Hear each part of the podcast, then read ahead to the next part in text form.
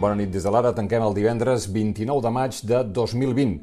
El govern espanyol ha aprovat una ajuda pensada per a aquelles persones més vulnerables que no arriben a un mínim d'ingressos i que han vist la seva situació agreujada pel Covid-19. Es tracta de la tan anticipada renda mínima vital.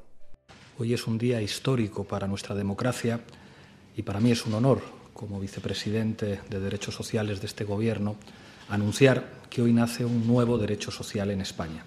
Un ingreso mínimo vital cuyo alcance y detalles explicaremos a continuación el ministro de Inclusión y yo, que creo que podemos calificar como el mayor avance en derechos sociales en España, por lo menos desde la aprobación de la Ley de Dependencia del año 2006. La podran demanar persones d'entre 23 i 65 anys o a partir de 18 anys si tenen menors a càrrec amb unes rendes anuals que no superin els 12.000 euros.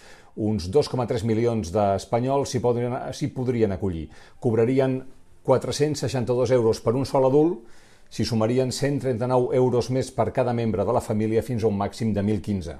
La Generalitat va reclamar ahir al govern espanyol poder-la gestionar. Esquerra ho ha posat com una de les condicions per canviar el sentit del vot si hi ha una nova pròrroga de l'estat d'alarma. Per cert que el Consell de Ministres ha aprovat aquest migdia que Barcelona sigui la candidata d'Espanya per acollir la nova seu del Centre Europeu de Prediccions Meteorològiques. La consellera de Salut, Alba Vergés, ha comparegut davant del Parlament per fer balanç de la seva gestió al capdavant de la crisi del Covid-19, en la qual han mort 12.000 eh, persones, una mica més de 12.000 persones. En una comissió de salut telemàtica de gairebé 4 hores, la consellera ha explicat que el virus va a la baixa, ha recordat que encara hi ha 144 persones ingressades a les UCI, moltes de les quals des de fa 50 dies, i en aquest sentit ha assegurat que són les xifres de l'inici de la pandèmia. Ara hi ha 144 persones a les UCI. Va haver-hi moments que n'hi havia 1.529. I ara el desconfinament s'ha convertit, eh, si m'ho permeteu, en una mena de concurs de fases, de, a veure qui passa a la següent fase, de quina manera passa, amb un embolic eh, mental claríssim de cara a la gent, de què vol dir estar a la fase 1, a la fase 2, etc etc. Això no ho hem decidit nosaltres, i la resta de malalties. Vergés ha apuntat que s'han fet 34.000 intervencions quirúrgiques en aquests mesos, que són la meitat de les que es van fer l'any passat en el mateix temps, la majoria de les quals extirpacions de teixits tumorals. Els pròxims mesos s'hauran de reprogramar unes 70.000 intervencions que han quedat ajornades. El nombre de morts per coronavirus ha augmentat aquest divendres en 42, la xifra a Catalunya 12.222 defuncions registrades per les funeràries des de l'inici, des d'aquestes aquest, defuncions, unes 6.700 en un centre hospitalari o sociosanitari, 4.000 en residència, unes 800 a domicili. A les últimes 24 hores, oficialment, tan sols s'han registrat 11 defuncions per coronavirus a Catalunya. I el 84% dels municipis del, veïns, del País Valencià no han registrat cap cas de coronavirus els últims 14 dies.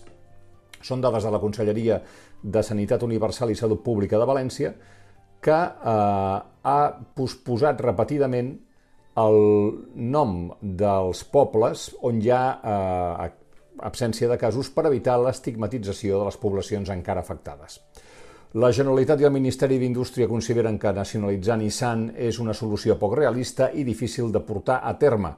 Després que la multinacional japonesa va anunciar ahir que marxava de les tres plantes que té a Catalunya al desembre, van aparèixer propostes per exemple, nacionalitzar-la per salvar-la. Ho va dir Pablo Iglesias, ho va dir Gabriel Rufián. La consellera d'Empresa, Àngels Chacón, ha dit que s'ha de fugir de demagògies i que la nacionalització no és una opció realista. Milers de persones han tornat a protestar aquesta nit als carrers de Minneapolis per la, mort a mans d'un policia de George Floyd, un afroamericà que desarmat estava sent detingut per haver intentat utilitzar un bitllet fals de 20 dòlars. Les manifestacions s'han estès a altres ciutats, St. Paul, Memphis, Denver, Los Angeles, la mateixa Nova York. Totes han derivat en moments de tensió amb la policia, detencions, vandalisme, però en lloc amb tanta gravetat com a Minneapolis mateix, on la gent ha saquejat nombrosos negocis i ahir va cremar un edifici i aquesta matinada ha calat foc a una caserna de la policia. El president nord-americà Donald Trump ha titllat els manifestants de gàngsters i ha advertit que l'exèrcit està a disposició del governador de Minnesota amb aquest tuit que diu quan els saquejos comencen, els trets comencen. Twitter ha marcat aquesta piulada com un enaltiment de la violència. I acabem amb la previsió del temps de cara al cap de setmana i dilluns, que és festa local allà on se celebra el dilluns de Pasqua a Granada. Tindrem tempestes com aquesta tarda, Miquel Bernis? Les tempestes d'aquesta tarda no es repetiran demà ni diumenge, però dilluns sí que s'entreveu un altre dia mig ennubulat i amb ruixats dispersos.